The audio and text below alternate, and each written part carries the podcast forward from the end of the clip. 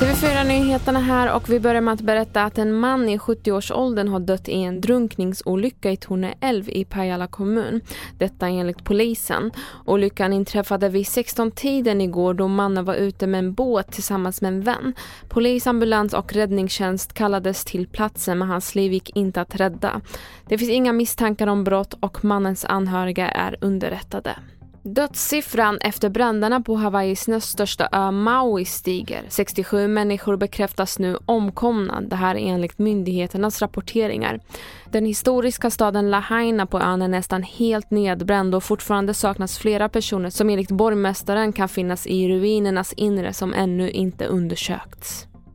Och vi avslutar med att berätta att många folkhögskolor tvingas skära ner i höst. Bara i Skåne ska runt 100 lärare sägas upp och man behöver en halv miljard från regeringen för att rädda kurser och jobb. Men från regeringens håll finns inga sådana planer.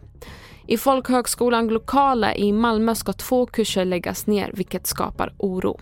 De får inte möjlighet till, möjlighet till personlig utveckling, till bildning, att, att göra en personlig resa men folkhögskolan bygger ju också på att vi tillsammans får möjlighet att förändra samhället.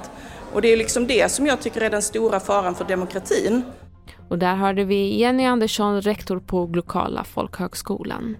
Och fler nyheter finns på tv4.se och jag heter Merim Jamil.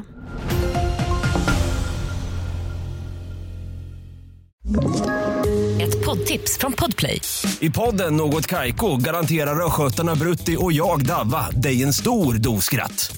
Där följer jag pladask för köttätandet igen. Man är lite som en jävla vampyr. Man har fått lite blodsmak och då måste man ha mer.